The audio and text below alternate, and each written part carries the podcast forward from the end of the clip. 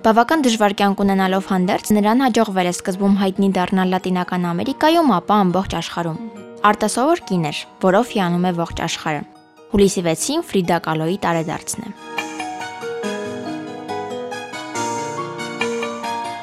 Մեքսիկացի նկարչուհի Ֆրիդա Կալոյին աշխարհը ճանաչում է հեղափոխական ու յուրօրինակ ինքնանկարներով։ Ֆրիդայի ճակատագրական փորձությունները սկսվեցին վաղ տարիքից։ Աղջկա մոտ հանկարծակի զարգացավ պոլիոմելիտ հիվանդությունը, ինչի պատճառով նրա աչվոտքը բարակեց։ Իր հիվանդությունը քողարկելու համար էր սովորաբար երկար շրջազգեստներ կրում։ Ֆրիդան մոնոկ հասակից չհամակերպվեց իր վիճակի հետ եւ որոշեց սպորտով զբաղվել։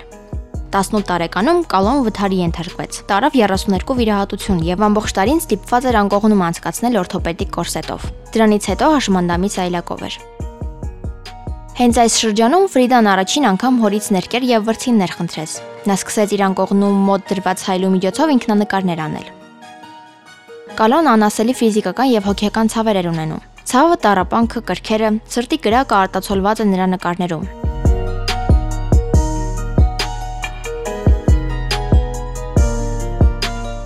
Նկարչուհու առողջական վիճակը գնալով վատանում է։ Կտրում են ոտքերը գանգրենայի պատճառով։ Ֆրիդա Կալոյի մասին ասում են, որ նրա նկարները նրա կենսագրությունն են։ Շատերը Ֆրիդայի աշխատանքները սյուրռեալիստական են կոչում, բայց հենց ինքը Ֆրիդան ասում էր. Նրանք կարծում են, որ ես սյուրռեալիստ նկարիչ եմ, բայց այդպես չէ, քանի որ ես երբեք երազներ ու անիրական բաներ չեմ նկարել։ Ես նկարել եմ միմիայն իմ իրականությունը։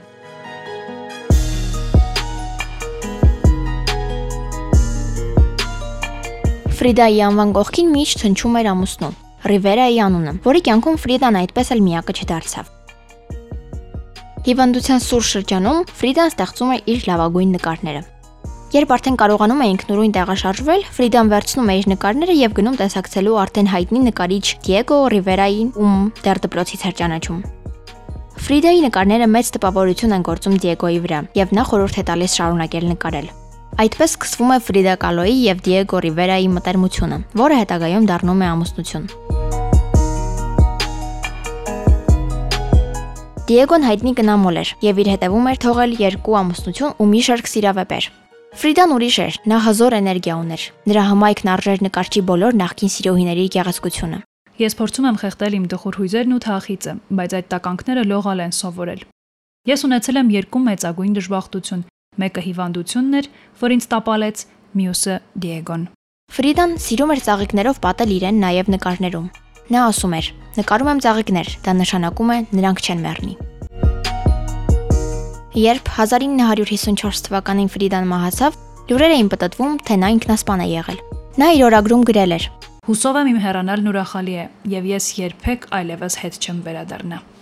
Կենթանության օրոք մարդիկ նրան ճանաչում էին որպես Դիեգո Ռիվերայի կին, Մինչդեռ մահվանից հետո Ռիվերան շատերին հայտնի է որպես Ֆրիդա Կալոյի ամուսին։ Այսպես Ֆրիդա Կալոն հայտնի դարձավ միայն մահվանից հետո, եւ նրա մասին նկարահանվեց ֆիլմ, որն էլ 2002 թվականին արժանացավ երկու Օսկարի։